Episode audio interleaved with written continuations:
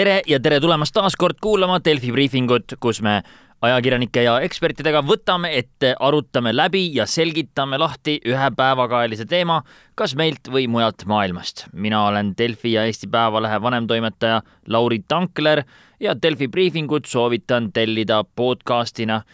nii tuleb iga osa teile uus, uuesti automaatselt nutiseadmesse või arvutisse ise kohale meil on briifingul olnud väike paus, meie meeskond on suuremas mahus kajastanud valimisi nii portaalis, interaktiivselt, aga näiteks ka otsepildis olime valimisõhtul äh, täiesti eetris. nüüd võtame uuesti selle podcasti ette ja püüame veidi regulaarsemaks ajada ja alustame täna kohe üsna päevakajalise teemaga, nimelt sellise küsimusega, miks meil Eestis palgad niivõrd väiksed on. miks just selline küsimus? aga seetõttu, et ma käisin just Brüsselis Euroopa Nõukogu eesistumise kinni makstud ajakirjanike reisil, kus kõikide muude tähtsate teemade kõrval tuli jutuks üks selline vastuolusid tekitanud küsimus, millele on pandud nimeks lähetatud töötajate direktiiv. Ja kui kahekümne kolmanda oktoobri ehk esmaspäeva öösel vastu teisipäeva Eesti eesistujana suutis selle direktiivi osas liikmesriikidelt kokkuleppe saavutada, tekkis Eestis suur mure, et kas meie konkurentsivõime selle tõttu kaob lähetatud töötajate direktiiv tuli arutlusele äh, umbes aasta, poolteist aastat tagasi, pea kaks aastat tagasi, seetõttu, et Euroopa riikides on tekkinud olukord, kus mõned ettevõtted on hakanud kuritari, kuritarvitama seda võimalust maksta oma töötajatele vähem palka ja vähem sotsiaalmaksu. Kuna liikmesriikides on jätkuvalt palgaerinevused väga suured, samuti on maksumäärad erinevad, saavad näiteks Ida-Euroopa riikidest pärit töötajad pakkuda oma teenuseid Lääne-Euroopa riikides oluliselt odavama hinnaga võrreldes kohalikega. näiteks Prantsusmaal töötab alltöövõtjana mõni Poolas või Slovakkias või Eestis registreeritud firma, mis aastaid maksab Poolast või Slovakkiast või Eestist tulnud töötajatele Poola või Slovakkia või Eesti palka mõnes riigis on tööturg reguleeritud karmimalt, mõnes vähem karmilt, kuid üle terve Euroopa kehtib ühisturu põhimõte. toodete, teenuste ja inimeste vaba liikumise põhimõte. kui sa soovid Eesti ettevõttena pakkuda mõnel turul oma, ma ei tea, ehitusteenust, ei tohi keegi sinu allhanke võimalust vaidlustada, sest selleks Euroopa Liit tegelikult mõeldud ongi Euroopa Komisjon algatas kahe tuhande kuueteistkümnendal aastal siis lähetatud töötajate direktiivi muutuse, mille põhimõtteks oli see, et pärast kahtekümmet nelja kuud välisriigis lähetatud töötajana peaks sind kohtlema edaspidi samamoodi kui kohalikku töötajat.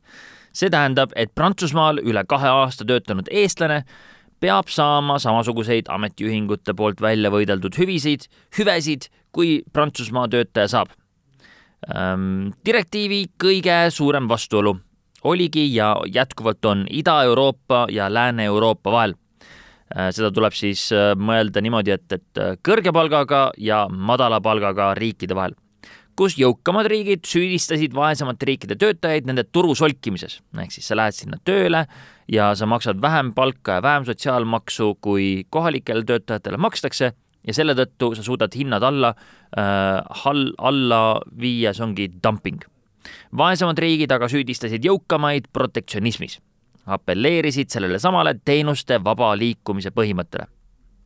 esmaspäeva öösel vastu teisipäeva pärast maratonpikkusega Euroopa Sotsiaalministrite Nõukogu läbirääkimisi jõuti siis kokkuleppele. kõige suuremaks vaidluskohaks oligi see, et mis hetkel peab hakkama töötajale kohandama koduriigi seaduste asemel sihtriigi seaduseid, ehk siis Poola seaduste asemel Prantsusmaa seaduseid selleks lepiti siis algse kahekümne nelja kuu asemel kokku kaksteist kuud ehk siis ühe aasta pikkune periood, mida ettevõte saab soovi korral veel kuue kuu võrra pikendada.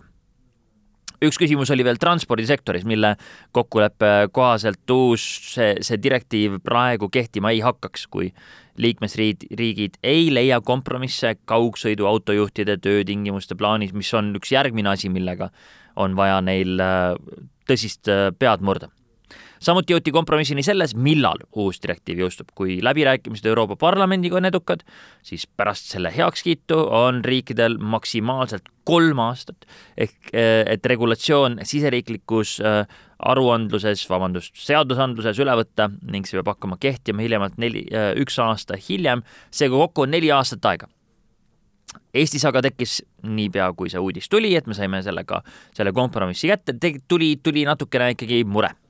Näiteks Äripäev kirjutas, et Eesti suutis eesistujana teha Eestile kahjuliku otsuse. tööandjate keskliidu Toomas Tammsaar, mõned ettevõtjad tema kõrval, rääkisid, et nüüd hakatakse piirama meie ettevõtete liikumisvabadust Euroopa Liidus. ja seda, et Eesti käitus eesistujana justkui oma positsioonile vastupidiselt aga tuletame siis korra meelde, mis see Eesti positsioon oligi. Eelmise peaministri, reformierakondlase Taavi Rõivase valitsuse seisukoht oli kahe tuhande kuueteistkümnenda aasta kevadel äh, toetada Euroopa Komisjoni ettepanekuid. riigikogu Euroopa Liidu asjade komisjon Äh, Kalle Pallingu ehk siis Rõivase erakonnakaaslase eestvedamisel sellega nõus ei olnud ja, ja koostöös siis Sotsiaal- ja Majanduskomisjonidega otsustas, et Riigikogu peaks võtma seda hääletama ja hääletama siis kollase kaardi menetluse poolt, et anda Euroopa Komisjonile signaal, et Eesti on selle direktiivi muutmise vastu. aga mida see kollane kaart tähendab ja muuseas, see kiideti heaks viiekümne viie äh, poolthäälega eelmise aasta maikuus. see kollane kaart tähendab niisugust äh, asja, ma, ma loen selle ette, Euroopa Komisjoni koduleheküljel on see lahti kirjutatud niimoodi äh,, tsiteerin. kui mõne riigi parlament on arvamusel, et Euroopa Liidu seadusandliku akti eelnõu ei vasta subsidiaarsuse põhimõttele, see tähendab, et akti peaksid vastu võtma hoopis liikmesriigid eraldi, võib ta kaheksa nädala jooksul saata komisjonile selle kohta põhjendatud arvamuse. tsitaadi lõpp. Seega selle asemel, et saata Euroopa Komisjonile signaal, et Eesti ei soovi direktiivi muuta, arvasid need viiskümmend viis saadikut Riigikogus, et Euroopa tasandil ei peaks ülepiirilise kaubandustegevuse või teenuste pakkumisega tegelema Euroopa institutsioonid, vaid see peaks olema liikmesriikide endi pädevuses. sarnase kollase kaardi otsuse tegid Eesti kõrval veel kümme liikmesriiki see kollase kaardi menetlus algatati, Euroopa Komisjon vaatas oma otsuses üle ja otsustas, et tegemist on küll nende pädevusega ja oma ettepanekut ei muutnud. kahe tuhande kuueteistkümnenda aasta sügisel tuli teema uuesti valitsuse päevakorda, kaheksandal septembril kiitis valitsus uuesti lähetatud töötajate direktiivi heaks. Euroopa Liidu asjade komisjon Riigikogus andis valitsuse otsusele konsensuslikult heakskiidu kahekümne kolmandal septembril.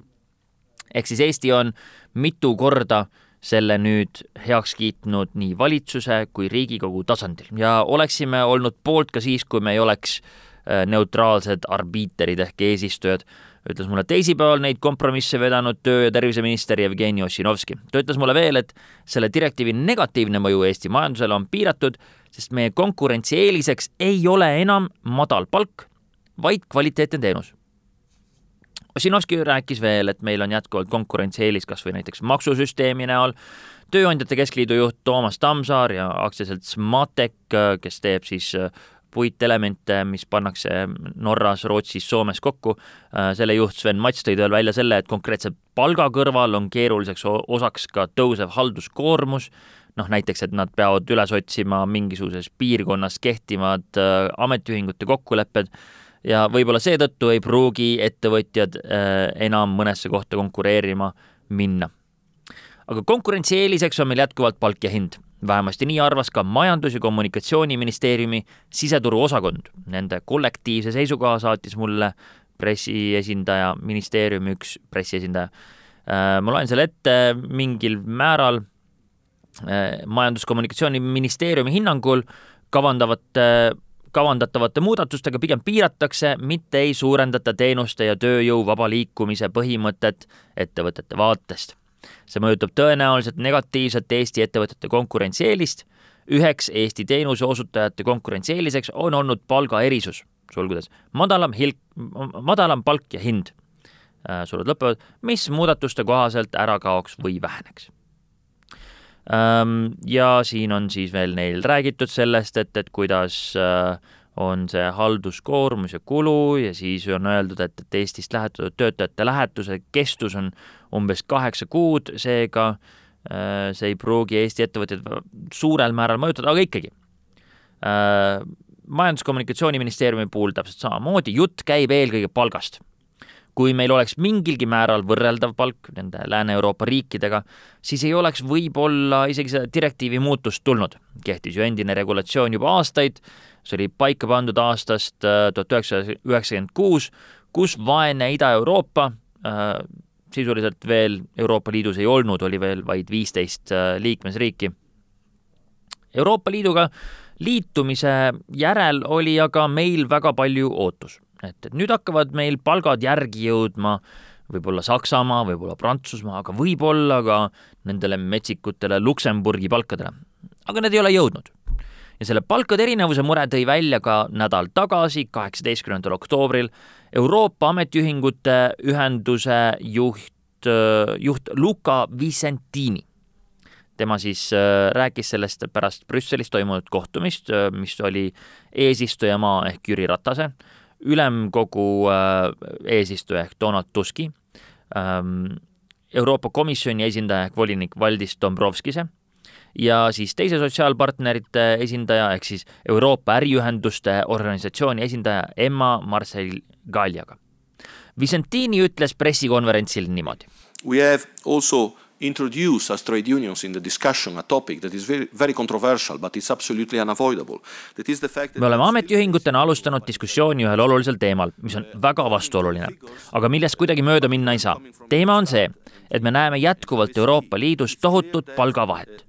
Eurostati ja OECD numbrite järgi on selge, et ajal, kui tootlikkuse tasemed Ida-Euroopas jõuavad peaaegu Lääne-Euroopa tasemele, seitsekümmend protsenti, kaheksakümmend protsenti, üheksakümmend protsenti mõnel juhul, siis palgad ei tule kuidagi sellele järele. palgad on idapoolsetes riikides kakskümmend viis protsenti, kolmkümmend protsenti, parimal juhul nelikümmend protsenti võrreldes siis läänepoolsetega. Kui me jätkame sellise palgalõhega, kui me jätkame sellise liidusisese ebaausa konkurentsiga odava tööjõu kaudu, siis pole ühisturul mingit tulevikku.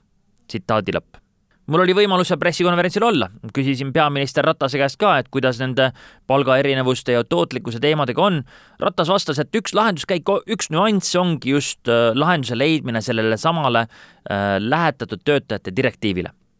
Ta detailidesse ei laskunud, aga ma püüan sellele loogikale läheneda umbes niimoodi, et heal juhul käib asi nii. kui näiteks Prantsusmaale oma teenust eksportiv Poola firma võis maksta seni oma po töötajatele Poola siseriiklitele, siseriiklike reeglite järgi. ja enam ei saa seda teha, siis peab seesama teenust eksportiv firma tõstma ühel hetkel oma töötajate palkasid, sest nad konkureerivad Prantsusmaaga. Poolast Prantsusmaale läinud töötajad saavad Prantsusmaal selle tõttu rohkem siis palka, selle palga toovad nad tagasi Poolasse, maksavad oma Poola juuksuritele ja bussijuhtidele omakorda rohkem palka kehval juhul muidugi käib asi niimoodi, et Poola firma läheb pankrotti, sest ei saa enam Prantsusmaalt lepinguid, sest nende ainus konkurentsieelis, madal palk, on kadunud. Poola töötaja kaotab töö, tema kodulinnas kaotab töö ka juuksur ja bussijuht ja kõik on halvasti. Kuid palkade loogika, see tõus peaks vist umbes niimoodi töötama igal juhul kuidagi me peaksime ju jõudma nii kaugele, et me saame Euroopa Liidus ühisel turul mingilgi määral võrreldavat töötasu, on ju nii? selleks, et uurida, kui kaugel me sellest oleme, kutsusin endale palkadest ja tootlikkusest rääkima Eesti Panga ökonomisti Kaspar Oja. tere, Kaspar! aga, aga ma hakkan siis sellise, sellise küsimusega pihta, äh, et miks me siis ei saa nii palju palka kui meie kolleegid äh, lääneriikides, Saksamaal, Luksemburgis, Prantsusmaal ja nii edasi? Äh, lühidalt, noh, selle lühike vastus on see, et tootlikkus on madalam aga, aga see pro-, probleem iseenesest muidugi on äh, palju keerulisem kui lihtsalt tootlikkus. et äh, tootlikkust me peame tegelikult vaatama niinimetatud eksportiva sektori või siis avatud sektori puhul.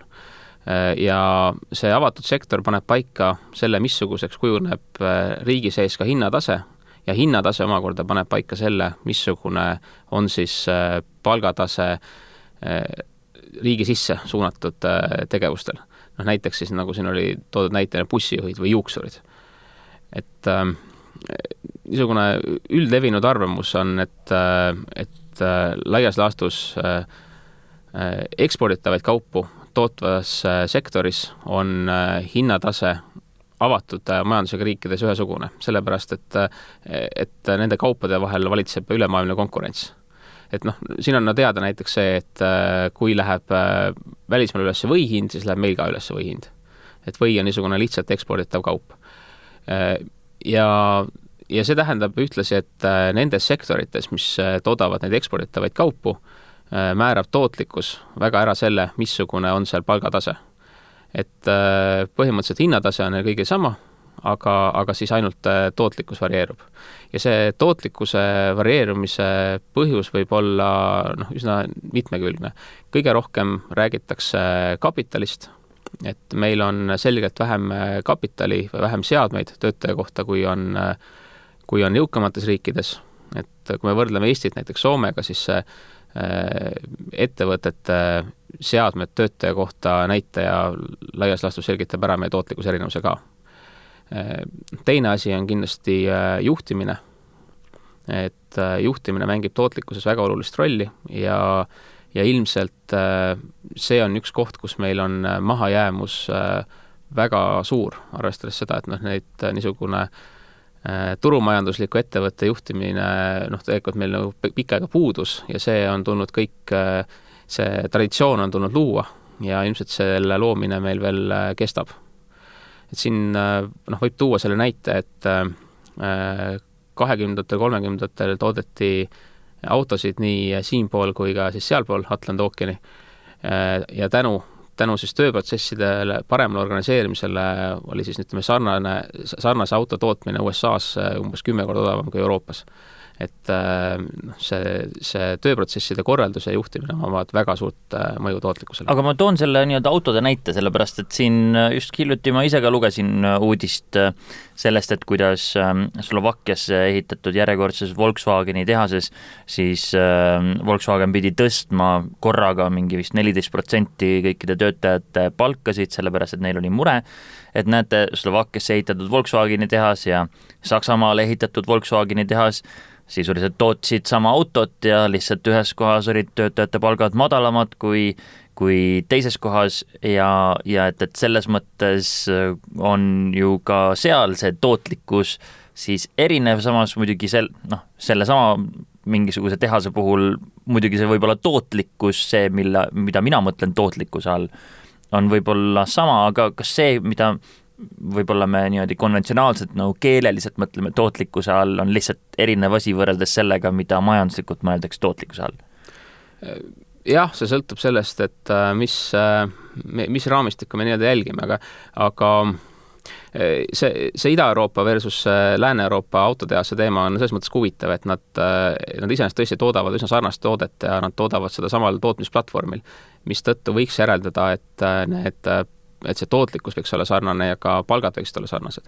aga seal tuleb lisaks mängu veel äh, ka turundus ja bränd, et see on ka asi, mis on väga, väga oluline tänapäeval, on ju, toote hinna kujunemisel. no see on üks seesama on... Volkswageni auto, eks ju, et mida, mida bränditakse ja turundatakse läbi Saksamaa emafirma, ütleme niimoodi. aga kui sina ostaksid auto, et ja sa teaksid, et see on tehtud Saksamaal või Slovakkias ja sama hinnaga, kumba sa ostaksid? ma tegelikult äh, ei, ei teakski, kumba osta, sellepärast et see on täpselt sama auto, muidugi muidugi võib-olla vist alateadlikult on see, on see kindlasti see Saksamaa suunda on, on see vist nagu läinud, eks ju, et, et peaks, peaks nagu mõtlema sinna no mina, mina kahtlustan, et mina äkki isegi vaataksin, kus see toodetud on. kuigi, kuigi jah, see ongi see tegur, mis, mistõttu on ju, kui me eelistame seda Saksa autot rohkem, siis siis noh, seetõttu ilmselt Slovakkia töötaja saab vähem palka kui Saks-, kui Saksa töötaja. Äh, siin on nagu hea näitena on toodud see, et, äh, et tegelikult noh, kui me vaatame iPadi, siis iPad on äh, noh, ta on lihtsalt on ju tehniline vidin, aga selle tehnilise vidina hind selle juures on selle, selle lõpphinnast küllaltki väike. Et see, mis iPadi juures maksab, on kogu see turundus, bränd, maine, et see, see on see, mispärast ollakse nõus selle eest nii palju maksma. see on umbes see point, et et kui Hiina teeb selle asja nagu valmis, Hiinas tehakse see mm -hmm. konkreetne nii-öelda iPad valmis, et, et siis, siis on selle hind nagu X, aga et, et kui sellele lükatakse lõpuks see nii-öelda Õuna logo peale kuskil, kuskil mujal, et, et siis selle logo väljatöötamine annab selle lihtsalt niivõrd palju juurde, et, et see on, see on see tootlikkus, millest me siis räägime. Äh, jah, põhimõtteliselt võib nii öelda küll. lisandväärtuse küsimus. see on lisandväärtuse küsimus jah, et see see, selles, selles mõttes see tootlikkus on natukene keerulisem kui lihtsalt see nii-öelda tükkide arv, mis suudetakse toota, kuigi, kuigi ta noh, lihtsustatud seda, seda nagu on. aga nüüd, kui tulla selle bussijuhi juurde, siis nüüd, nüüd siin on see küsimus, et kui riigis on need avatud sektori ettevõtted või siis eksporditooteid tootvad ettevõtted, kelle hinnatase on maailmas ühtlustunud, aga tootlikkus on erinev ja nende tootlikkus kasvab, siis nad suudavad maksta töötajatele rohkem palka ja nad konkureerivad sama tööjõu pärast, mille pärast konkureerib siis see suletud sektor, ehk siis noh, näiteks ehitussektor äh,, transpordisektor on ju noh, bussijuhid äh,, juuksurid, juuksur on kõige klassikalisem näide on ju niisugusest äh, suletud sektori töötajast. Ja, ja nende palgad hakkavad äh, kasvama siis, kui, äh, kui see konkurents äh, tööjõu pärast äh, muutub. ja muidugi teine, teine efekt on siin see, et äh, juhul, kui nende avatud sektori töötajate palgad kasvavad äh, kiiresti, siis nad suudavad äh, maksta ka nagu siis endale vajalike teenuste eest rohkem. ja need, ja siis tõusevad ka siseturule suunatud, suunatud teenuste hinnad ja nende töötajate palgad, kes neid teenust pakuvad, et noh, siin klassikaline näide on näiteks jälle Ameerika kullakaevandused. kullakaevanduse töötajate sissetulek võis minna väga kõrgele mingi hetk ja tänu sellele sinna tekkisid ümber ka igasugused teenuseid pakkuvad harud Äh, kus siis need äh, hinnad ja ka palgad olid märksa kõrgemad kui teistes piirkondades, kus siis kullakaevandust ei olnud mm. -hmm see on, see on hea näide ja et, et selles mõttes see annab natuke nii-öelda aimu, lihtsalt meil on nagu, oli ka mingisugune hetk lootus Euroopa Liiduga ühinedes, eks ju, et, et näete, nüüd, nüüd me oleme osa sellest ühisest majandusruumist, ühisest turust, eks ju, et, et nüüd hakkavad meie palgad jõudma kuskile järele. Ja, ja noh, ütleme niimoodi, et, et võrreldes siis üheksakümnendate algusega on kahtlemata ka Eestis palgad jõudnud äh, väga palju lähemale siis äh, lääne äh, Lääne-Euroopa palkadele, aga, aga äh, tundub, et pärast kahe tuhande seitsmenda aasta majanduskriisi on see konvergentsi nii-öelda näide natuke kas takerdunud või jäänud sinna nagu kuskile nagu pidama, eks ju, et, et äh, rikkamad riigid on, on samamoodi eest ära läinud. on see nii? tegelikult, kui me vaatame neid palkasid, siis nad on Eestis kasvanud ikkagi noh, ka pärast kriisi küllaltki kiiresti et äh, mispärast meil äh, nii-öelda siis äh, skp elaniku kohta nii kiiresti kasvanud, on see, et meil on töötamise intensiivsus vähenenud, et inimesed töötavad märksa vähem tunde, kui nad töötasid buumi ajal ja varasemalt. et kusagil seal noh, kriisiga enam-vähem langes kokku see aeg, kui toimus niisugune järsk langus töötundidest töötaja kohta. ja see selgitab ära küllaltki suure osa sellest, mispärast meil on praegu nii-öelda siis skp inimese kohta või siis ka nagu loodud äh, väärtus ühe töötaja kohta on, äh, on nagu kasvanud aeglasemalt. et, et iseenesest, kui me vaatame ainult palkasid, siis palgakasv on meil olnud jätkuvalt küllaltki kiire, siis nii-öelda tunnipalkasid või siis täistööle taandatud palkasid. Aga, aga jah, see nii-öelda skp elaniku kohta pole, pole kasvanud enam väga kiiresti kuigi noh, võib öelda, et äh, laias laastus selline töötundide vähenemise trend on, on sees äh, noh, kogu Euroopas. et see on niisugune noh, natukene müstika, mida on äh, olnud raske selgitada, Eestis on, Eestis toimus see järsult korraga kahe tuhande üheksandal aastal ja sealt noh, tõenäoliselt ei olnud selle taga mitte ainult see kriisi mõju, vaid seal oli ka noh, see, et äh, uus töölepingu seadus pani inimesed rohkem puhkama. et äh, puhkus hakkas aeguma, kui ei puhanud piisavalt ja siis äh, lihtsalt seetõttu tasus see välja võtta. ilmselt see, see varasem, varasem olukord, kui puhati vähem, tegelikult ei, ei oleks olnud ka jätkusuutlik, et, et noh, inimesed lihtsalt noh, kui, kui sa töötad ennast surnuks, siis, siis noh, ei ole sellest ka väga palju abi absoluutselt, aga, aga sellest, sellest hoolimata ikkagi minule ka tundub, et näete, hoopiski Rootsis ja Prantsusmaal on need äh, töötunnid niimoodi ära määratletud, et kõigil on mingisugune kaks kuud aastast, kus nad nagu lihtsalt mitte midagi ei tee ja ja et, et äh, on kohustus puhata ja et, et nendel on nagu palju, palju vähem seda nagu tööd ja meie siin Eestis rabame. ja noh, et, et me siin rabame ja rabame, eks ju, ja samal ajal teised seal kuskil Lääne-Euroopas nagu rabavad vähem ja saavad rohkem palka. kas see on lihtsalt mingisugune nii-öelda mulje, millel ei ole tõepõhja siis alla?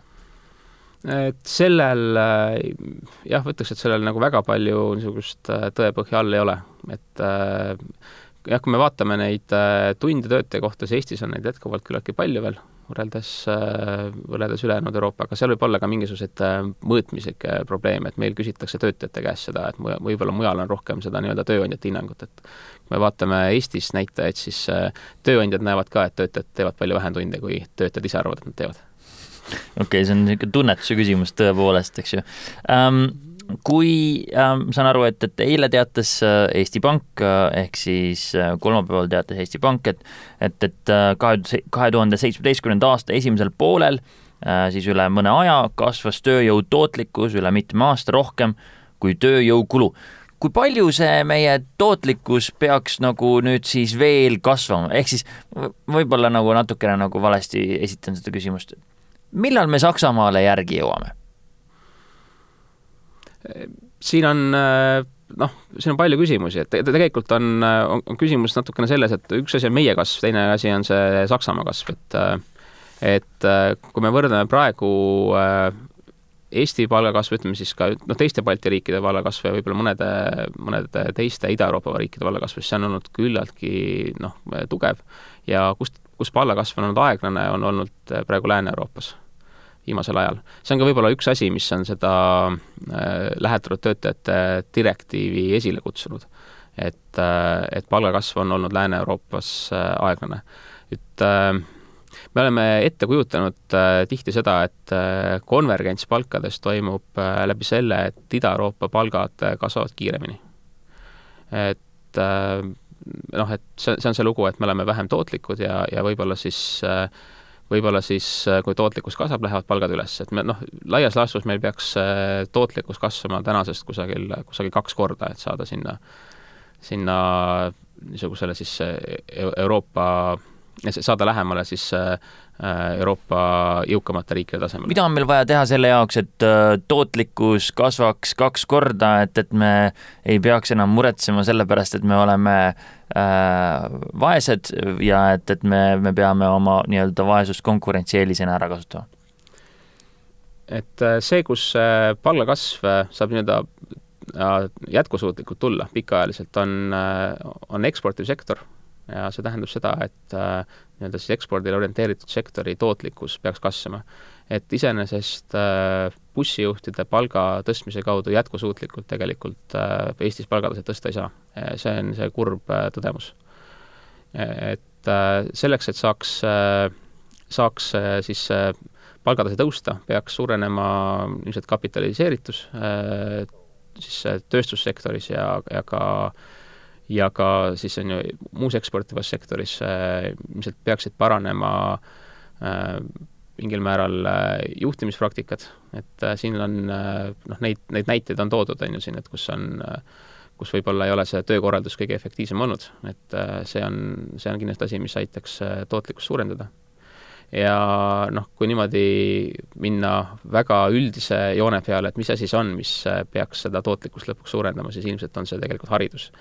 Et Eestis räägitakse palju sellest, et meil oleks vaja kutseharidusega inimesi Äh, kes siis on noh, kes leiavad kiiresti töö. aga võib-olla see on niisugune lahendus, mis aitab lühiajaliselt, et selles mõttes, et äh, ta aitab ära hoida noorte tööpuudust. aga pikaajaliselt äh, ilmselt oleks vaja inimesi, kes oskavad teha neid keerulisemaid asju, mida on tarvis äh, siis selleks, et, et omada samasugust tootlikkust nagu äh, nagu äh, Lääne-Euroopas, ehk et tegelikult on ilmselt vaja meil ikkagi kõrgharidusega inimesi, insenere, ka, ka nii-öelda pehmete erialade inimesi, turundajaid, äh, kes suudaksid see toote kallilt maha müüa ja nii edasi mm. -hmm. seega müüme kallimaid asju, siis saame nii-öelda lõpuks rohkem äh, palka maksta ka oma juuksuritele ja bussijuhtidele. põhimõtteliselt küll. suur aitäh Eesti Panga ökonomistile Kaspar Ojale ja sellega me täna piirdume aitäh kuulamast ja tellige siis see Delfi briifing endale podcastina arvutisse või nutiseadmesse õpetage seda tegema ka oma sugulased ja sõbrad, nooremad ja vanemad, siis jõuab järgmine briifing juba automaatselt teieni. igal juhul tänan teid veel kord, mina olen jätkuvalt Eesti Päevalehe ja Delfi vanemtoimetaja Lauri Tankler. Ja ma soovin teile head päeva